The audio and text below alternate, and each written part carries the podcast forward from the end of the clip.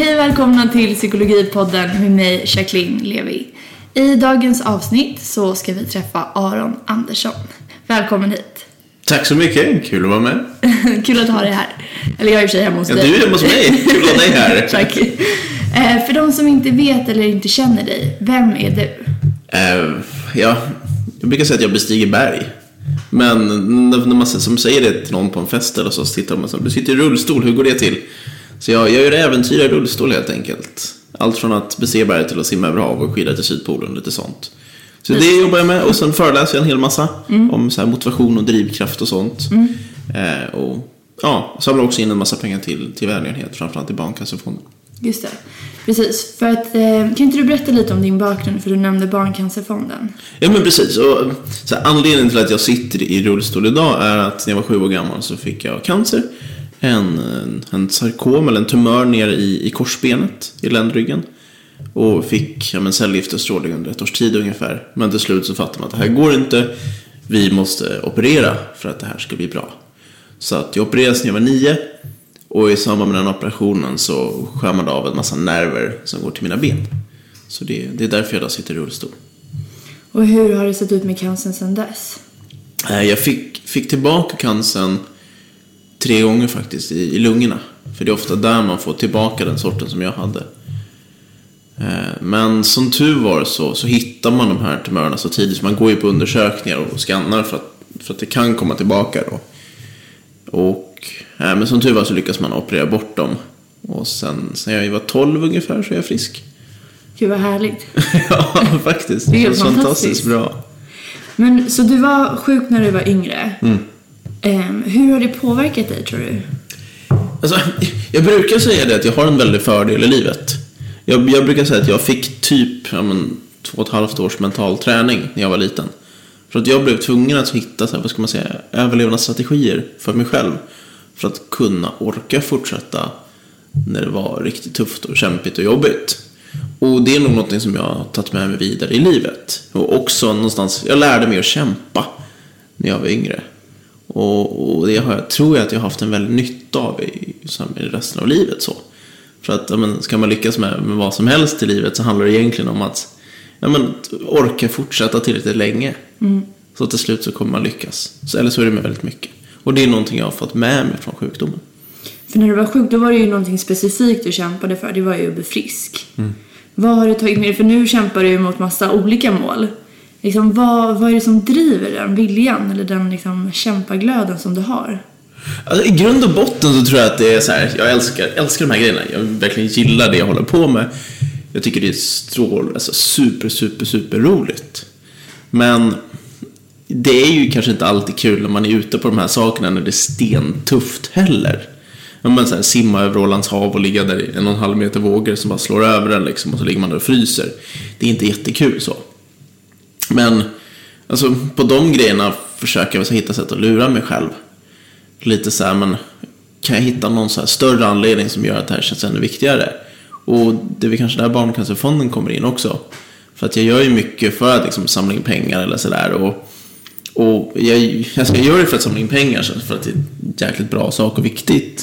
Men också kanske jag gör det lite av en, en egen anledning, som en självisk anledning. För att jag vet att det ger mig energi när jag har det tufft och jobbigt.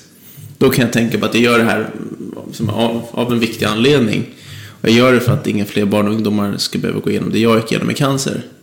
Och det ger mig energi att så här, någonstans orka fortsätta. Och hur väljer du? Du nämnde några saker. Du har simmat över, vad heter det, Ålandshavet? Nej? Ja, precis. Jo. Jag simmade från Grisslehamn till Signelskär på Åland. Så 37 kilometer över Ålands hav. Ja, Jag såg den på din film på Youtube.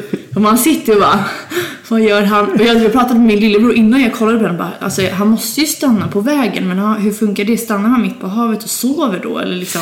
Men då såg jag ju att alltså, du stannar ju inte. Nej, jag, jag gjorde så att jag låg kvar i, i vattnet. Och så låg en sån här, sån här livring, eller vad man ska kalla det. Sån här, ja, man vet inte livring. sån här- Livboj. Livboj, precis. Livboj.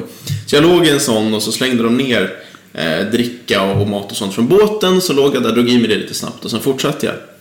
Men det var nästan, det jobbigaste var nästan att stanna. För att när man stannade så blev man så kall. För att det var ju så här 14-15 grader i vattnet. Och det bästa sättet att hålla värmen i kroppen är att röra på sig. Så att jag var så kall så man låg och så här skakade och stannade men samtidigt visste man behövde få i sig energin och sen kunna fortsätta så. Så att, så att Ålands hav kan vara en av de så här tuffaste endagsgrejerna som jag har gjort. För det var ju verkligen, alltså du simmade ju typ i 13 timmar, vad var det? Ja, precis. 13 timmar i sträck. Alltså jag känner ju ingen, jag inte ens, alltså jag skulle inte ens ligga i ett bad i 13 timmar. Så- Nej, då skulle man vara ett russin på riktigt. Ja men hur funkar det? Alltså så här, blir du inte alltså helt genomkyld? Alltså, med Ålands hav så var egentligen det det tuffaste, kylan. För alltså, sträckan, att det är jobbigt och sånt, det är det ju absolut. Men det tuffaste var att jag var så otroligt kall. Så jag hade en våtdräkt på mig. Men mm, den hjälpte inte jättemycket efter 13 timmar. Efter att ha legat där i vattnet så länge. Så att, nej, man skulle valt en, en dag där det var lite varmare i vattnet. Just den sommaren jag gjorde det, då hade det inte riktigt hunnit värma upp där när jag gjorde det. Utan det vart varmare några veckor senare, så då hade det varit mycket lättare att göra det. Men sätter du upp så här, alltså till exempel då hade du bestämt att i sommar ska jag göra det här. Ja. Eh, Finns det någonting som gör att du då avviker från den planen? Eller är det så att när jag sagt att jag ska göra det, då gör jag det? Men det är klart jag kan avvika från saker, absolut. Alltså om, om man känner att ja, men det här det blir inte optimalt med annan planering. Eh, man kanske inser att riskerna är för stora. Det är en sån sak, alltså jag har varit nära döden några gånger. Jag vill inte vara det på mina äventyr. Nej. Det, det är idioti för mig. Alltså, skulle jag vilja bestiga Everest? Absolut, det hade varit så jäkla fantastiskt. Men det är för farligt. Så att jag kommer inte göra det. Och så, så att jag försöker verkligen liksom titta på säkerheten. Det är, sen, det är nummer ett för mig.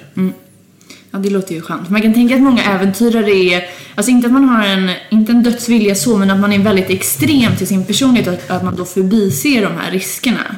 Alltså eftersom du är ju professionell äventyrare. Många andra, eller jag har bara en känsla av det, att man liksom inte tar in riskerna eller en, eller en del av det är risken liksom. Jo men absolut, det är väl en, alltså, speciellt de som bestiger liksom 8000 meters berg. Där skulle jag säga att riskerna är som högst. Ska du upp på menar, Everest eller kanske framförallt K2 så, så vet du att jag tror på K2 är så här, han var ju 30% av alla som går upp dör. Va? Ja men det är något sånt. Nu vet, jag kan inte statistiken exakt, ni får googla den om ni vill ha exakt. Men där någonstans ligger det. Så att det är ganska, det är ganska stor sannolikhet att inte komma hem igen. Ja, herregud. Så, mm. Ja, jag fattar. Jag fattar. Då, då är det någon, alltså jag vet inte vad den drivkraften är. Jag har aldrig gjort en sån grej.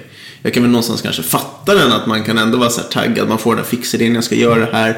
Jag ska klara det där, jag ska bevisa för sig själv på något sätt. Och kanske få lite cred från andra också att göra det där. Men nej, jag skulle inte göra det. Nej, alltså så här, cred, vad spelar det för roll när man är, ligger på sin begravning? liksom. precis. Nej, Du ligger kvar där på berget någonstans nedfryst. Nej men fy. Nej men jag tänkte att så här, ehm, för du säger att det finns någon, liksom, det är någonting prestation att man sätter upp, man får någon typ av fix idé. Vad liksom är det som driver den här prestationen? Har du prestationsångest att du känner att du behöver bevisa dig på något sätt? Nej, jag tror inte det. Eh, Inte så. Alltså, när jag var yngre så tävlade jag i friidrott. Åkte världen runt och gjorde det. Och, och verkligen försökte vinna allt jag kunde och så.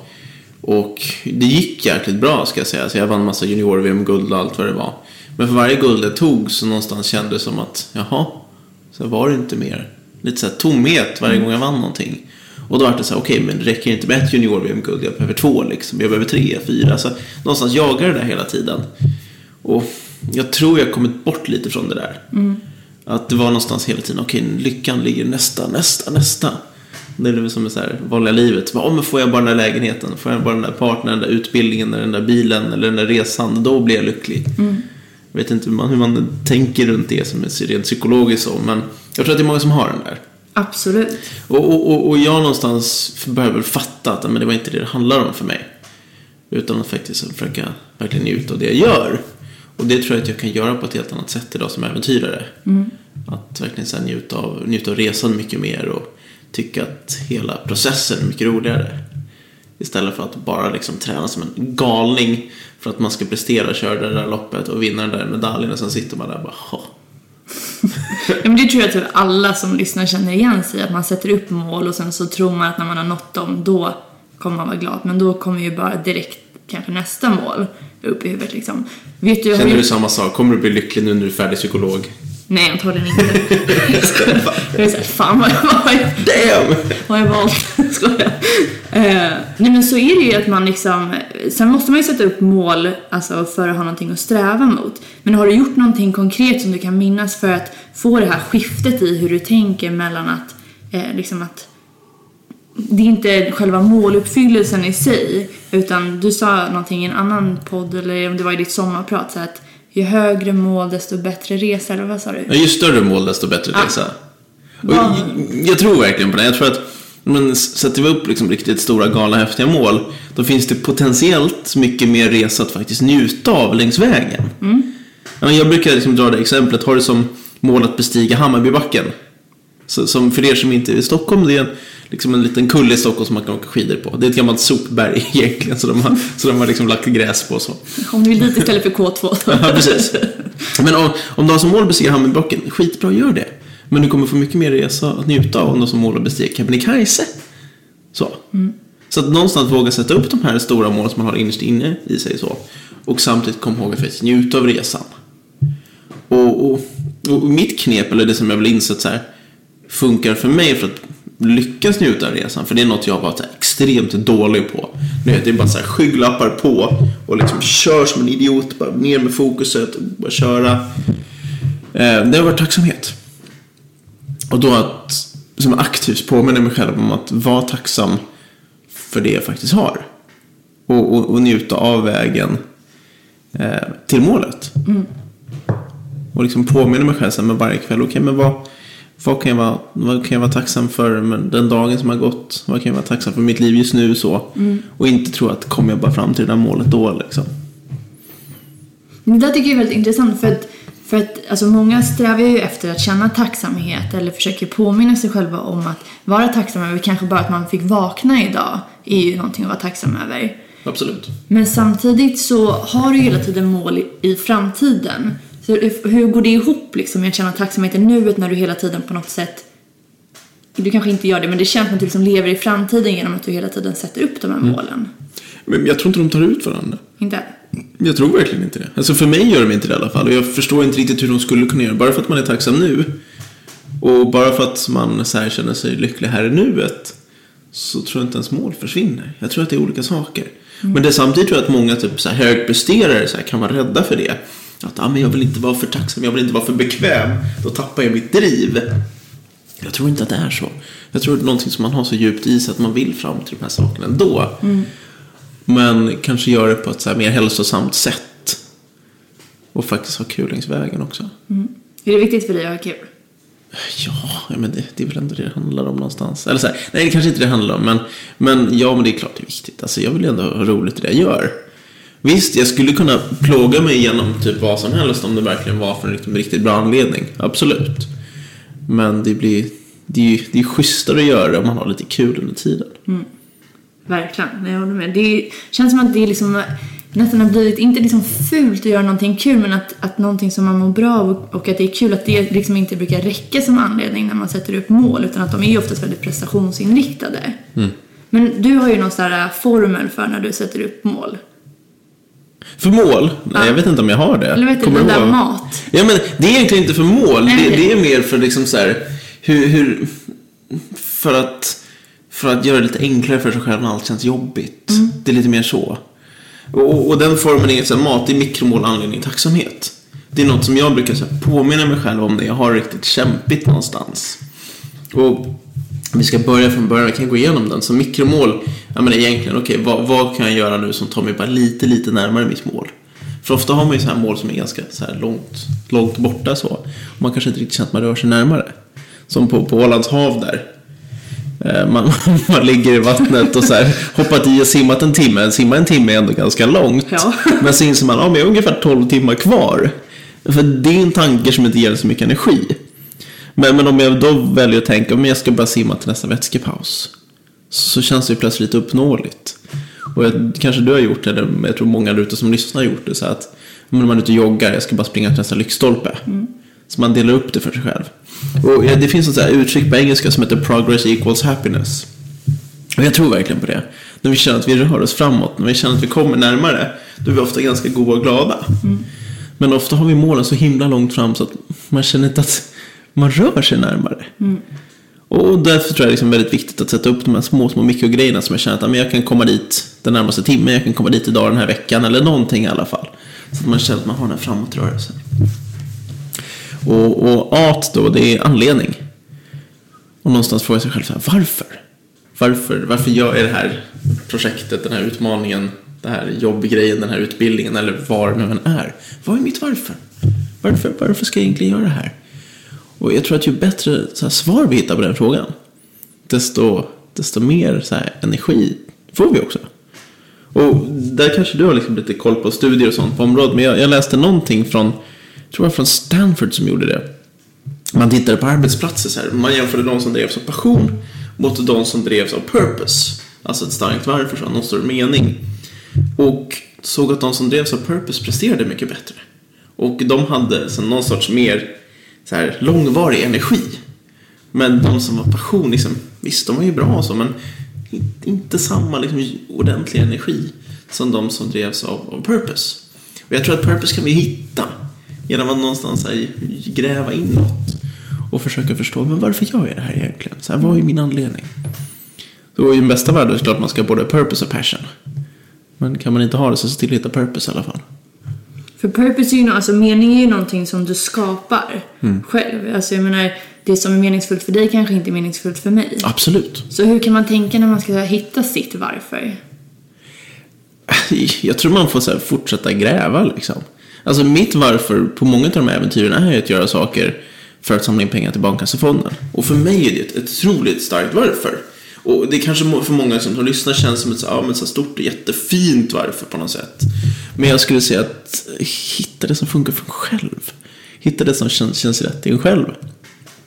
Och jag tror att frågan varför är ganska bra där. Mm. Varför, men varför gör jag det här? kan man gå och klura på det. Sen kanske man kommer fram till något svar. kan man fråga det dagen efter. Men varför gör jag det här egentligen? Och sen nästa dag, men varför så? Så till slut så tror jag att man hittar ett svar. Och jag tror att många av de bästa svaren, de som ger mest kraft och energi, handlar om att göra någonting för någon annan. Mm. Och inte bara göra det för sig själv. Det är min upplevelse i alla fall. Och, men du kanske har någon annan idé där, men jag tror mycket handlar om att inte bara göra saker för sig själv. Absolut. Alltså om man tänker typ på sina egna tillfällen när man har varit som gladast eller det är ju oftast inte när man har varit själv utan det är ju när man delar det tillsammans med någon eller den här känslan när någonting händer, man vill ringa upp någon och man vill dela det med andra. Mm. Så jag tror absolut att alltså gör man någonting för andra så är det ju mycket högre purpose mm. än om det är för något eget litet skumt projekt liksom. Ja, men, men det är bara som att tänka på att, men, vad är roligast, att ge bort en present eller att få en present? Alla bara, att få Nej, nej men ofta roligare att ge bort det. Absolut. Det, det är ju verkligen det. Alla barn bara nej. bara, nej jag vill ha! Oh, julafton! Ja, verkligen. Det, ja, det, så det, det, ligger mycket i det där, men mm. ja. Kanske svårt att påminna sig själv i stunden och det är väl därför jag liksom hittat på den här, vad ska man säga, eh, vad heter de här tre word, three word, eh, när man sätter ihop, liksom gör en förkortning så. Det finns ju något så här flashigt namn Säkert. på engelska tror jag, men det har jag glömt bort nu. I alla fall, men gör en enklare så här, minnesgrej liksom, där för att kunna komma ihåg det. Mm. Eh, och, ja, vi, kan ju, vi kan ju fortsätta. Tacksamheten då. Eh, och, och, där, så för mig blir livet så mycket lättare om jag känner tacksamhet. Och, och det kan vi som jag sa innan, så här, små saker. Bara, men, så här, jag vaknar upp idag, eller jag har tak över huvudet, mat på bordet. Eller vad det nu än är. Och ja, men där har väl du säkert massa så här studiesaker om, om tacksamhet. Det finns så sjukt mycket om tacksamhet som, som säger hur bra det är mm. att känna tacksamhet. Men jag tror vi generellt är ganska dåliga på det. Verkligen. Och, och då också att så här, påminna sig själv om det. Så här, vad kan jag vara tacksam för idag? Och jag hittar ofta tacksamhet genom perspektiv. För jag tror att får vi lite perspektiv på saker och ting så, så kommer ofta tacksamheten på köpet. Om vi nu ska fortsätta med så här äventyrsexemplen. Eh, när jag skidade till Sydpolen i, i vintras så hade jag med mig ett, vet du, ett foto som, som verkligen så gav mig både tacksamhet och perspektiv. Och det här fotot var på mig tillsammans med min, vad heter det, min 15-åriga kompis Saga. Och hon är så här superhärlig tjej, full med energi och ja, jätte, jätteschysst så. Men på den där bilden så har inte Saga något hår på huvudet. För hon går igenom en liknande cancersort som jag hade när jag var liten. Och hennes prognoser ser verkligen så här jättedåliga ut. Och, och då blev någonstans perspektivet att men kan hon fortsätta vara den där goa, glada, härliga tjejen med tanke på det hon går igenom, då kan jag panna mig skida lite till. Liksom. Då gav det någon sorts både perspektiv och tacksamhet att jag kanske inte har det så farligt ändå. Jag kan köra lite till. Och de där tror jag man kan så här, hitta för sig själv på alla, alla möjliga sätt. Hitta de där perspektiven som i sin tur ger tacksamhet. Mm. Alltså det är helt fantastiskt. Jag tänker på, när jag lyssnade på ditt sommarprat också när du berättar om den här resan. Eh, från, eller över Antarktis eller? Det är så här, jag vet inte ens var de här ställena ligger typ. Arktis i norr, Antarktis i söder. Men det var kallt i alla fall. Ja precis, det var kallt som tusan. Eh, nej men och då berättade, alltså jag tyckte bara det var så jäkla kul för du berättar hur ni har åkt i sex dagar eh, och sen så sker liksom en olycka. kan inte du berätta? Jag tyckte det var så jäkla kul. Eh, Jag, jag tror jag inledde mitt sommarprat med det, men genom att eh, berätta hur jag bajsade på mig på Antarktis. så jag, jag berättar historien om hur jag, vad jag trodde var en fis. Det visade sig vara lite mer än en fis.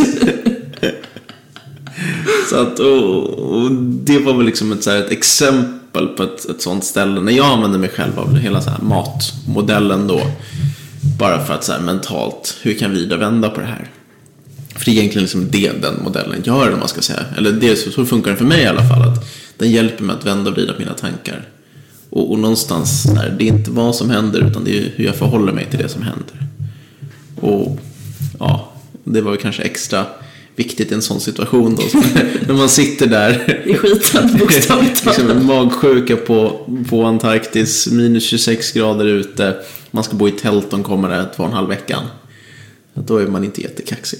Vad tänkte du då? Alltså, först och främst var det bara så vad fan liksom. Varför händer det här mig? Och så här, ja usch liksom. Massa så här, väldigt så här negativa och destruktiva, jobbiga tankar. Och jag, jag var liksom fasiken inte tacksam då. Så. Det var det sista jag var. Men sen, sen lät jag mig vara det en stund liksom. Tycker jag lite synd om mig själv och så. För att jag tror att det kan vara ganska så här bra att göra. Det kändes skönt då i alla fall. Men sen efter det så började jag försöka liksom vrida och vända på det här. Hur kan jag göra det här till något bra? Ja, men det kan vara en rolig historia i alla fall. Jag kan, jag kan lägga ut det på Facebook. Så att jag skrev ihop det till en historia. Så la jag ut det på Facebook den kvällen då. Eller skickade hem det till teamet i Sverige genom satellitlänken där. Så kunde de lägga ut det. Och så fick jag så här otroligt mycket kärlek på Facebook för det där. Vilket så här, det var ganska roligt. Så det gjorde det lite lättare. Och sen tittade jag på bilden med Saga där. Fick jag lite energi från det. Och, och sen ja, men bestämde jag mig själv så här, men jag ska skida en dag till i alla fall. Först var det så här, men jag ska bryta, jag ska ringa. Ska ringa flygbasen, skicka ett flygplan. Nej, men det går inte liksom. Men sen bara, nej men en dag till kan jag skida. Jag kan alltid köra en dag till så. Och sen, ja, på den vägen var det. Och du genomförde det? Tyvärr så, så vart jag väl så sjuk till slut och så kraftlös. Så att så här, säkerhetsmässigt så kunde vi inte skida hela sträckan. Så att vi hängde på en biltransport som gick, gick där nere. Så vi åkte var det så här 20 mil någonting med dem. Eh, och sen skidade vi sista 10 milen. Så att vi gjorde fortfarande så här längsta polarexpeditionen i en sitski. Men det vart inte som planerat. Och det vart ju lite så här jobbigt också. Du vet, jag hade haft den här, så här drömmen och målet i så här tre års tid. Att jag ska bli första person som gör hela vägen dit till dit, liksom bla bla bla och sådär. Och så kommer man fram och bara, ja, vi kom till Sydpolen men det gick inte riktigt som planerat. Och det var också lite så här tufft så här, när man verkligen har satt upp det för sig själv. Vi ska göra så här. Sen blir det inte så. Men så här rent krasst, hur ofta i livet blir det som man hade tänkt sig? Typ aldrig. Ja men precis, aldrig. ibland blir det bättre, ibland blir det sämre, men oftast blir det helt annorlunda. Men jäkligt bra ändå. Och, och tittar man tillbaka på hela Sydpolsexpeditionen så här. Visst, det blev inte exakt som jag ville, men så här, vi samlade in 6,5 miljoner till Barncancerfonden. Det är ändå jäkligt coolt. Och jag fick ändå så här, jag fick uppleva Antarktis, jag fick pusha mig själv, och utmana mig själv att göra alla de här grejerna som jag ville göra från början. Och så jag, jag fick så mycket ändå. Och då valde jag att fokusera på det, men okej, det vart, det vart fantastiskt ändå. Även om det kanske inte vart exakt som jag ville. Mm. Och det är fantastiskt att kunna byta sitt mindset på det sättet. Alltså att mål är ju oftast inte, och mening inte heller inte särskilt statiska, så det ändras ju ofta med tiden. När jag började plugga till psykolog hade jag ju ett mål. Alltså det är ju inte det jag har idag till Nu exempel. ska du bli professional podcaster. Eller, nu ska jag hoppa av skolan här sista terminen. Yay! jag tänkte det här med fan ska inte bli ett rörmokare eller någonting. jag bara älskar psykologi. Eh, nej men, och jag tror att många som mår dåligt, eller man kanske inte ens måste må dåligt men det är lätt att hamna i, när det inte blir som man har tänkt sig, att man fastnar i det här tänket att nu blev det inte som jag ville eller liksom fan jag skiter i det här nu och jag ger upp och liksom hela den, det tänket. Eh, hur ska man göra för att bryta den liksom? Det är ju bara en negativ spiral rätt ner om man fastnar där. När jag har liksom sådana dagar när det känns som att vet, man inte vill gå upp i sängen men allt bara känns hopplöst så. Träningen ger jättemycket för mig. Och bara så här, röra kroppen. För liksom börjar man röra kroppen och få igång kroppen så hänger huvudet med. Då får man igång så lite bra hormoner och grejer och så här så känns det oftast lättare. Eh, och sen också med så här, hänga med kompisar eller umgås med någon annan som liksom drar upp en. Och jag har vissa men så här, vänner vet jag att jag umgås med dem, då blir det bättre liksom. Så det är så här, det är några grejer som funkar för mig. Och sen också så här, men kan jag gå tillbaka, vad kan jag hitta som jag är tacksam för just nu? Även om allt känns jobbigt. Men kan du tänka dig att det är så här, för om man har en sån dag man ligger hemma och bara fuck det här liksom, jag Ja. pallar inte. Eh, och då kanske det är svårt att tänka att nu ska jag, nej men nu klär jag på mig kläderna och går till gymmet dit jag liksom inte ens går på en bra dag. alltså, är det så att ibland så jag försökte tänka, jag försökte förstå liksom hur du tänker på något sätt. Att, så här, att är det så att man ibland liksom måste vara, lura sig själv? Att så här, det tänk inte så jävla mycket, alltså gå bara. Eller hur liksom gör du för att typ lura din hjärna? Ja, men det är väl något sånt jag försöker göra. Alltså, Okej, men nu ska jag inte tänka, nu ska jag bara liksom dra på träningskläderna och sen ska jag, ska jag liksom ut, och rulla ett varv runt kvarteret eller vad. Nu ska jag bara lova, okej, nu ska jag disciplin, nu ska jag bara göra det, punkt. Och sen behöver jag inte göra det mer. Sen kan jag gå tillbaka till sängen och liksom så. Men då är man ofta inte lika sugen på det. Får man bara igång det, tar man bara det första lilla steget. Så här, hur, hur ofta, hur, hur ofta liksom, känner man sig deppig när man är ute och tar ett löppass liksom? Eller något sånt. Det går ju typ inte. Nej men det är svårt. Hur ofta möter du någon löpare liksom, när du är ute och går som bara ser jättedeprimerad ut? Det är typ omöjligt. Ja. För att du får igång kroppen. Så att du mår så mycket bättre då. Men som du säger, det svåra är ju typ att ta det steget. Det svåra är inte att gymma när du är på gymmet. Det svåra är faktiskt att dra på dig kläderna och dojorna och ta dig utanför dörren. Verkligen. Men när man väl har gjort det så. Och där någonstans är det bara disciplin. Och försöka verkligen så här, ta sig ut. Då kanske man kan använda din, den här modellen till exempel, alltså om man tänker jag ska ut och springa milen, då, kanske, då fattar jag om man stannar i sängen liksom. Men om man tänker här, men jag ska gå liksom ett varv runt kvarteret eller jag ska göra någonting litet, att, vad heter det, mikromål. Ja, precis. Då kanske det blir lättare alltså, att, att komma ut. Ja men verkligen. Det, det är lite så jag tänker, så att ta det här lilla, lilla steget. Okej, men jag ska till gymmet, jag ska köra en övning bara. Sen kan jag gå därifrån. Och jag ska vara där i tio minuter, sen kan jag gå därifrån. Jag pratade med en tjej som, som höll på med ultralöpning. Som, som Vad är så det? alltså, Jag man- bara nickar som att jag vet, jag har ingen aning. ultralöpning, det är jättelånga lopp. Ja. Hon springer så här 100 miles lopp. Så 160 kilometers lopp. Som tar, ja, de tar väl en så här 15-16 timmar lite beroende på hur snabb man är. Helt brutalt alltså. Så. Jag höll på att springa sådana lopp. Och hade ju så ganska mycket så här ångest kring sin löpning. Och, och, och det är inte så bra när man ska just springa de här jättelånga tävlingarna. Och man behöver träna ganska mycket för dem. Men så gjorde hon en grej för sig själv. Att hon började springa säga, 20 minuter varje dag.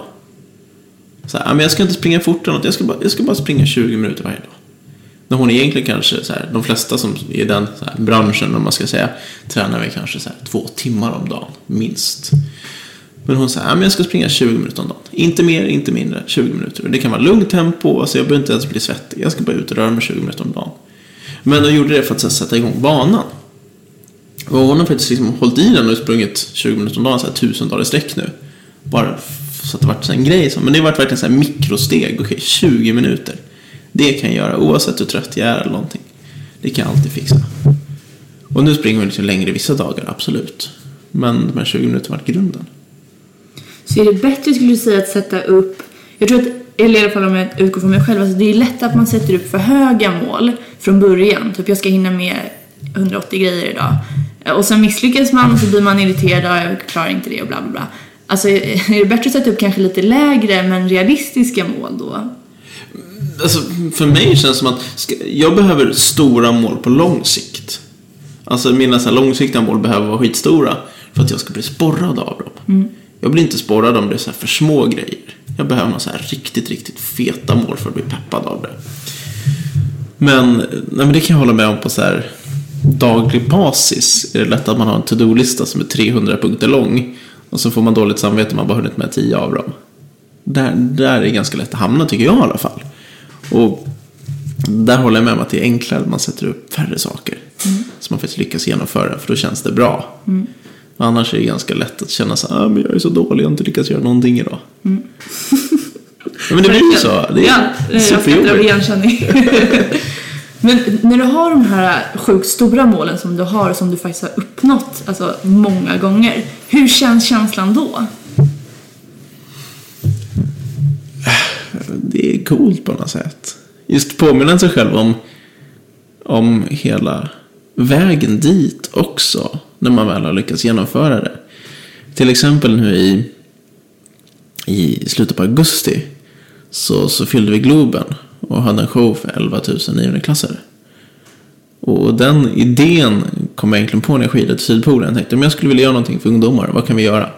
Ja, men vi pratar med Globen, vi får dem att låna ut lokalen gratis. Jag tar dit några artistkompisar, vi kör en så här fet grej. Jag föreläser, de spelar, så här, vi gör en inspirationsdag för niondeklassare. Hur coolt vore inte det?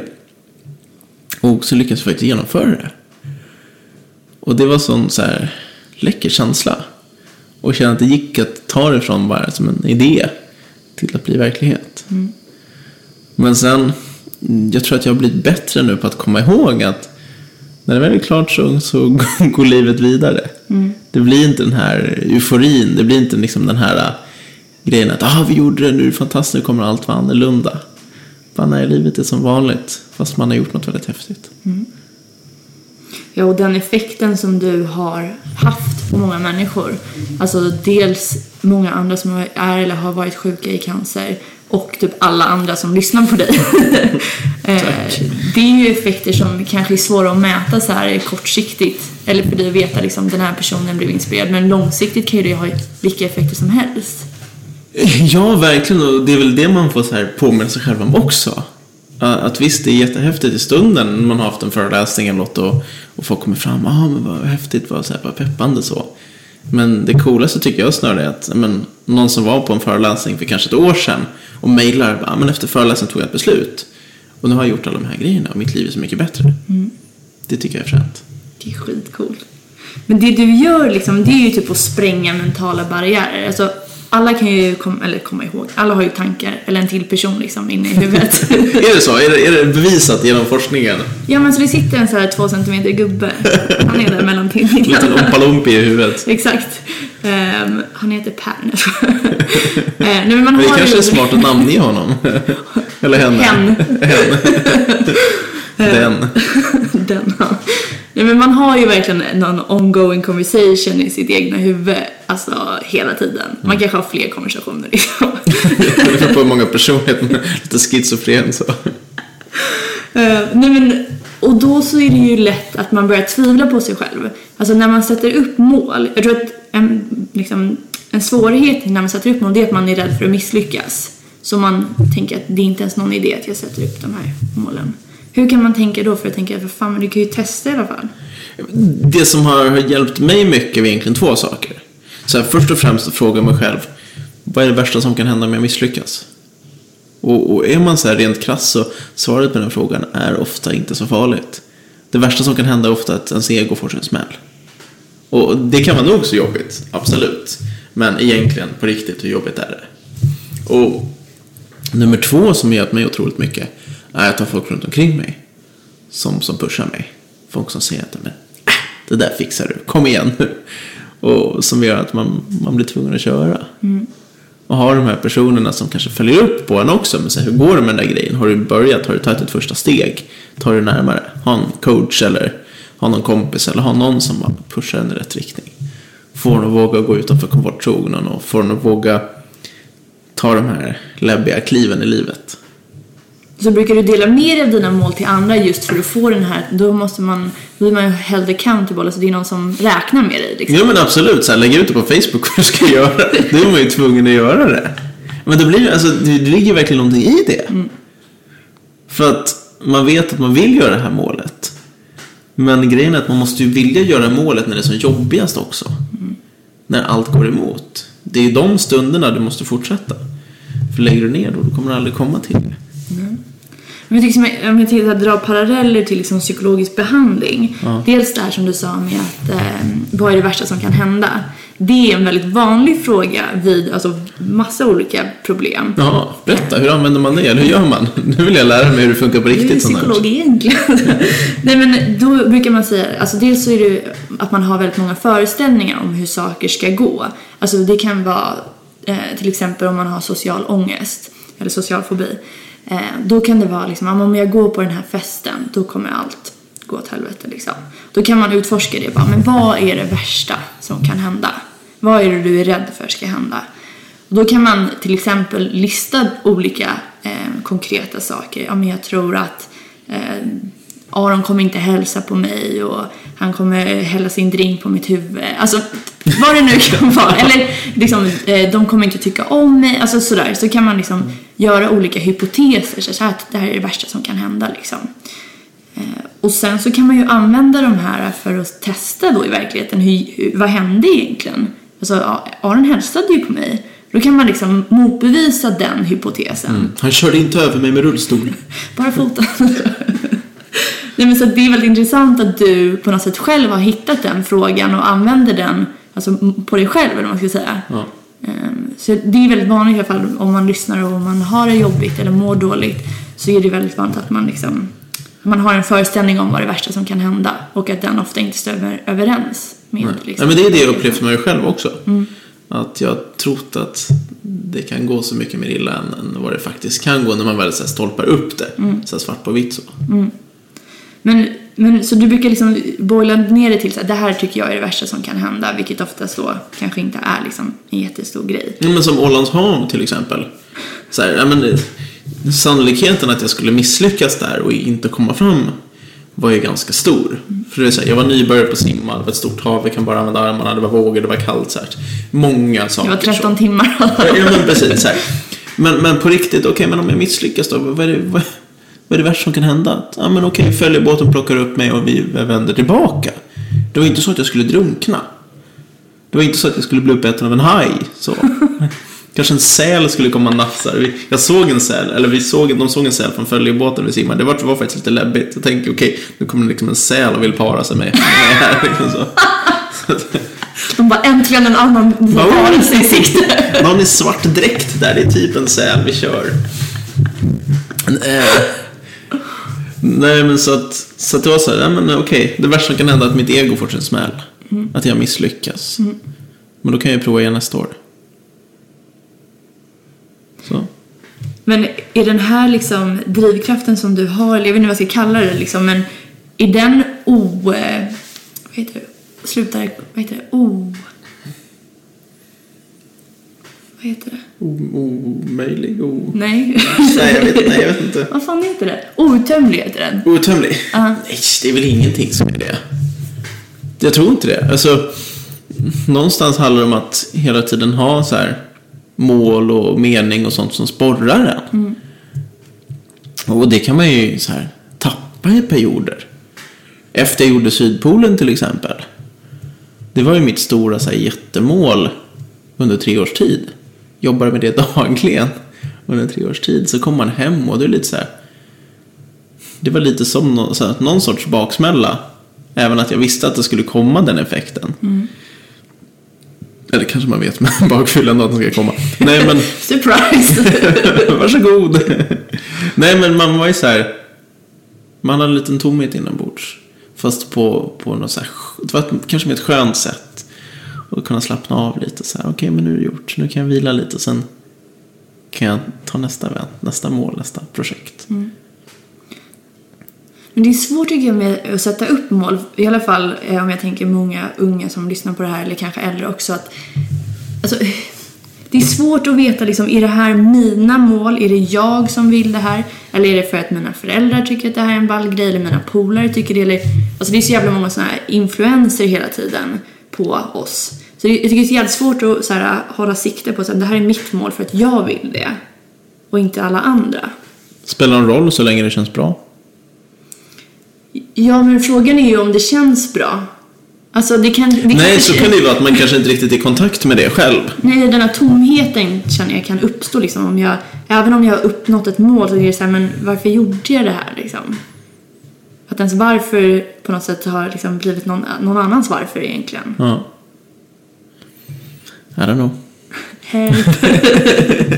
Men hur gör du för att utgå från dig själv? Är det att du har liksom vissa, du har liksom förstått vad som är dina värderingar och vad som är viktigt för dig i livet och då sätter du upp mål i enlighet med dem? Alltså, jag, jag tror det. Jag gjorde ju så, så här, jättemycket saker med friidrotten jag idrottade innan. Som, det- det var väl mina mål också, det har inte varit någon annans mål, absolut inte. Men där jag kände en väldigt tomhet på ett väldigt så här, ah, men, destruktivt, jobbigt sätt. Tomheten efter Sydpolen kändes mer som att, ah, ja men, okej det var ganska skön, var god på något sätt. Man hade kämpat och slitit så hårt så länge, nu fick jag vila lite så här. Samtidigt som man kunde njuta av, av det man hade genomfört. Men friidrottsmålen var hela tiden, okej nu har jag gjort det här, vidare till nästa, nästa, nästa, nästa, nästa. Trodde att allt skulle bli annorlunda. Det skulle vara så här, men flygande rosa elefanter, bara man uppnådde det där då skulle allt vara fantastiskt. Då skulle, skulle livet vara komplett på något sätt. Och jag tror att ha med sig den insikten att inget mål kommer ändra det. Visst, det är fantastiskt att uppnå mål. Det kan vara en så här jättebra sak att göra. Superhärligt och god känsla i livet.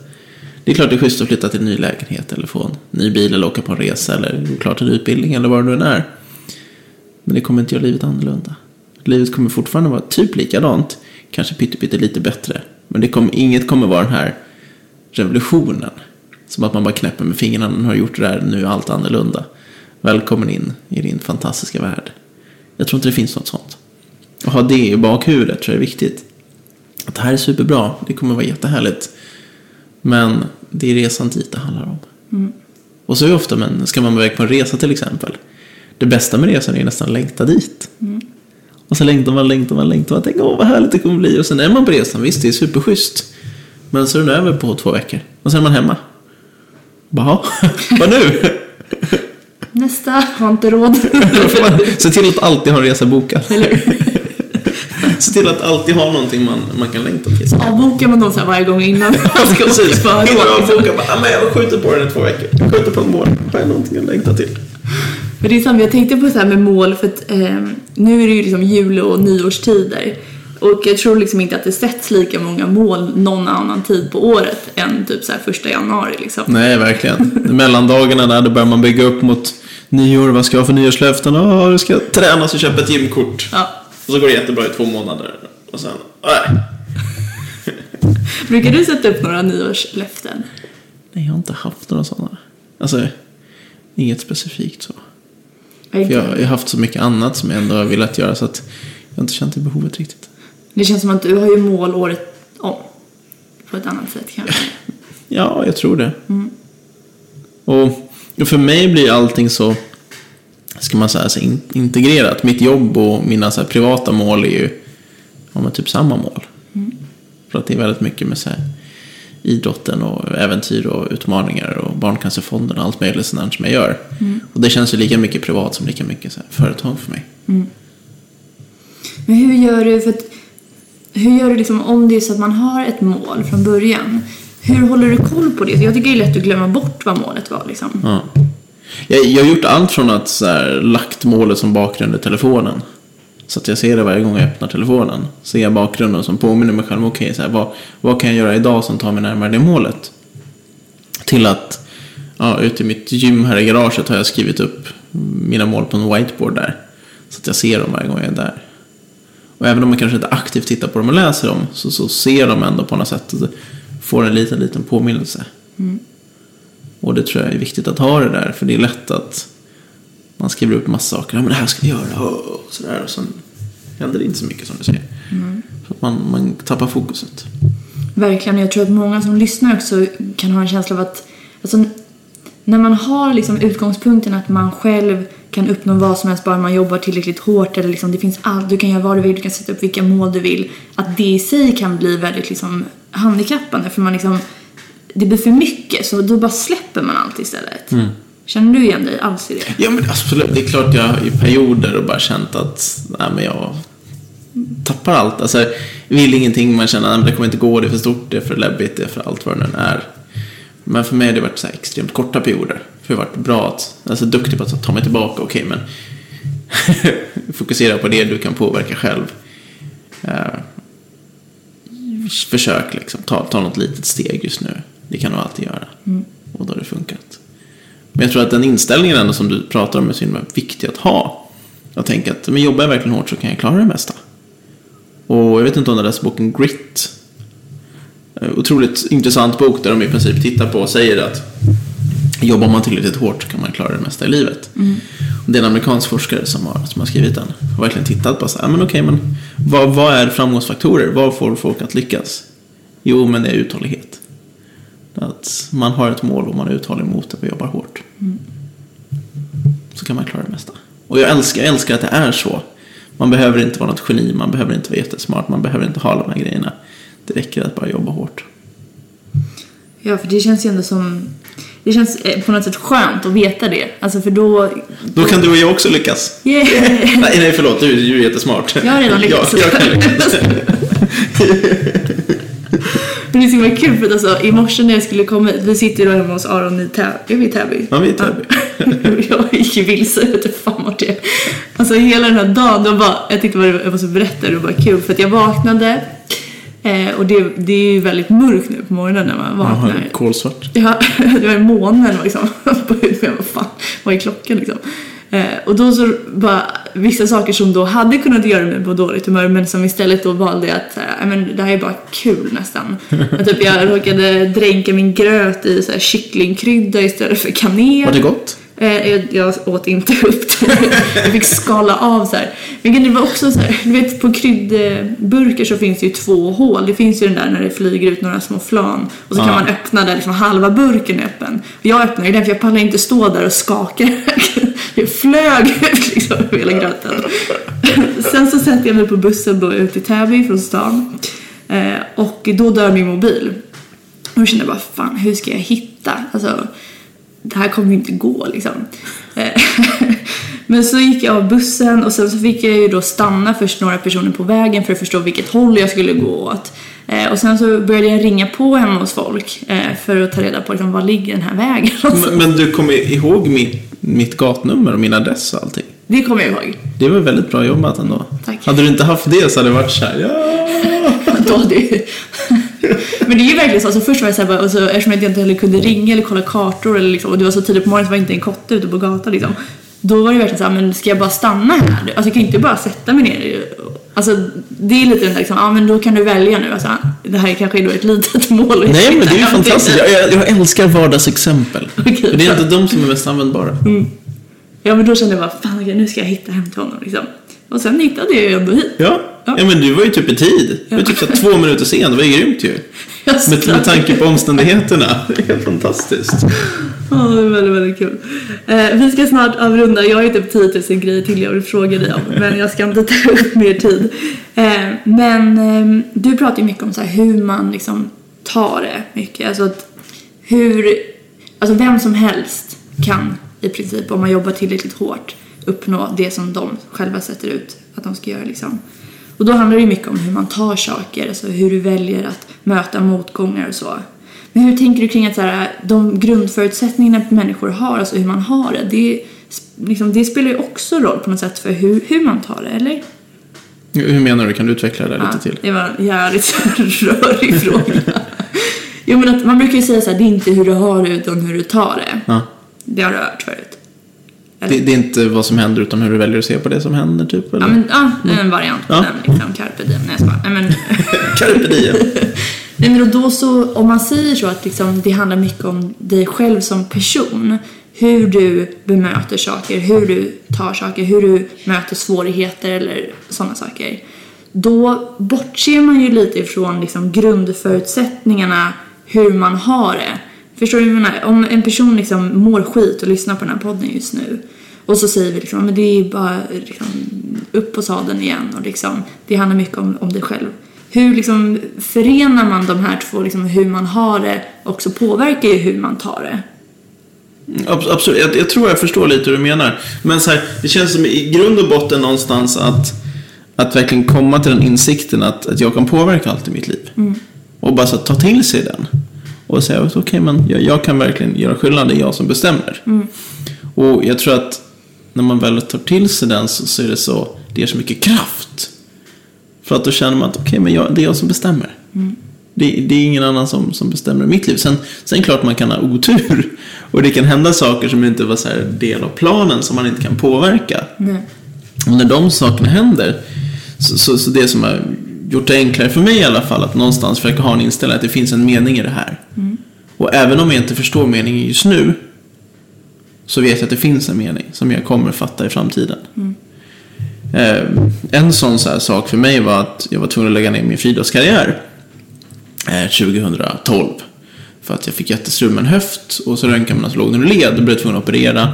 Operationen gjorde så jag var tvungen att sluta med den karriären. så. Och det var ju otroligt tufft i det tillfället. Mitt mål, jag skulle bli bäst i världen på friidrott. Jag skulle vinna Paralympics. Så.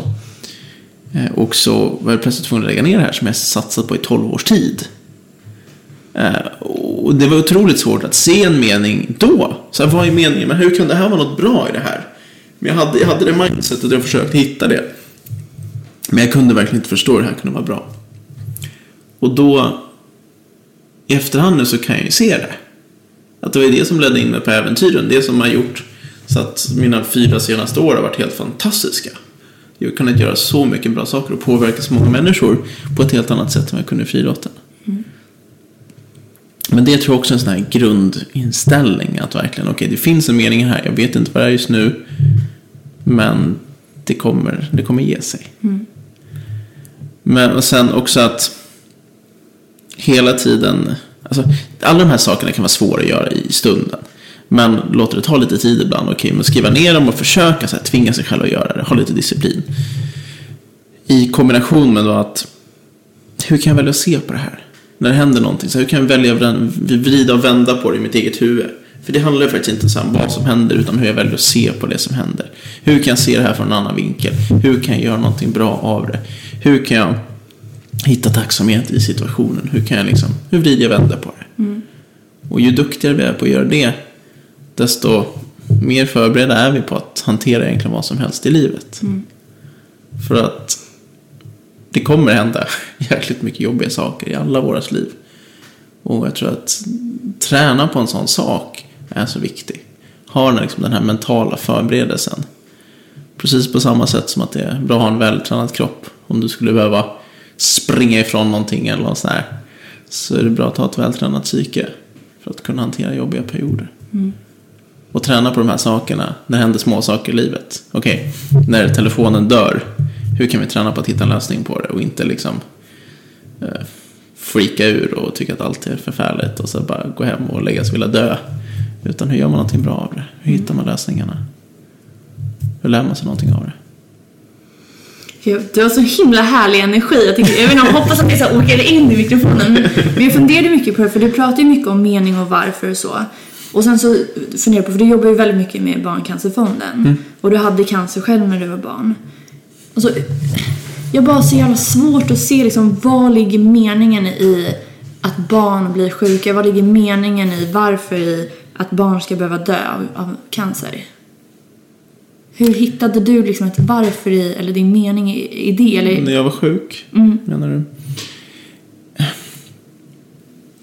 Så här i efterhand så är det jättelätt att se det. Alltså idag kan jag inspirera och påverka otroligt mycket människor på ett helt annat sätt än vad jag tror jag hade kunnat om jag inte hade gått igenom det jag gått igenom. Så idag är det en jättelätt mening att hitta. Är det otroligt mycket svårare att hitta en mening med de barn som faktiskt dör? Absolut. Det är skitsvårt. Och jag tror inte man kan liksom kanske hitta en riktig mening som rättfärdigar att de ska dö. Det går inte att göra. Men samtidigt går det att hitta små meningar här och där. Eh, jag berättade om min kompis Saga innan som jag hade med på fotot. Eh, hon var med till Trolltunga i somras. Den här klippan i Norge som går ut över ingenstans. Jag har säkert sett den. Folk på Facebook som har lagt ut den. Där. jättevacker. Hon var med dit i somras och hon sa någon sån här grej att hon, hennes prognoser för hennes cancer ser jättedåliga ut. De, de har i princip sagt läkarna att det inte går att göra så mycket. Och hon sa det i somras när vi var där och hon liksom kämpar och sliter som en galning. Och, och så säger hon att men, cancern är både det bästa och sämsta som har hänt mig. Och det är klart det, det är det värsta som har hänt henne. För att hon troligtvis kommer dö väldigt mycket yngre än de flesta andra. Och samtidigt är det bästa som har hänt henne för att hon har fått uppleva så otroligt mycket sedan hon blev sjuk. Uppleva ja, väldigt mycket hemska saker men framförallt väldigt mycket fantastiska saker. Hon har fått resa och göra saker, uppleva eh, saker och träffa människor och sånt som hon inte hade gjort om hon inte varit sjuk. Hon har blivit otroligt mycket klokare, hon har fått leva livet väldigt intensivt.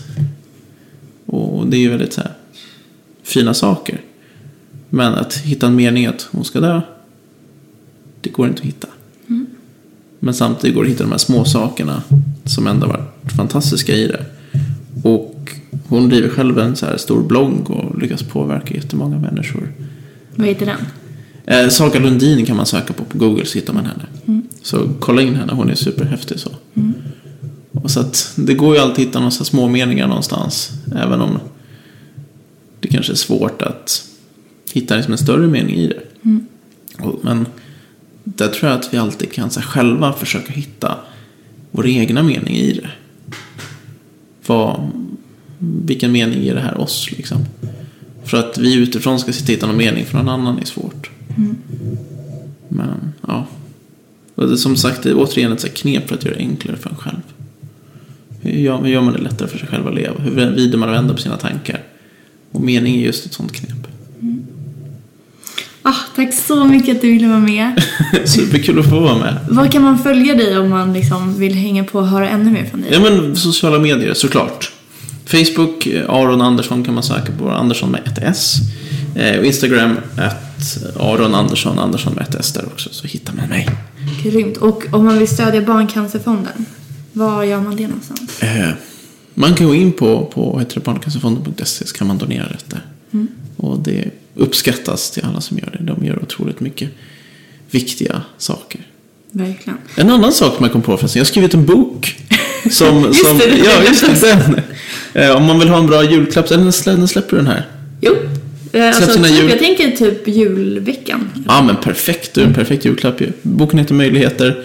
Finns på liksom, Bokus, Adlibris, alla dem. Går även att beställa på min hemsida. Så är ni sugna på den lite så här mer mental träning och historier från äventyr och lite sånt. Så finns den där. Fett cool. Den heter Möjligheter. Möjligheter, precis. Det känns ju som det bästa sättet att börja året med en bok som heter Möjligheter. Okej, ha det bra hörni. Vi hörs snart igen. Och tack till Linus Gummesson som som vanligt hjälper mig med ljudet. Hej då!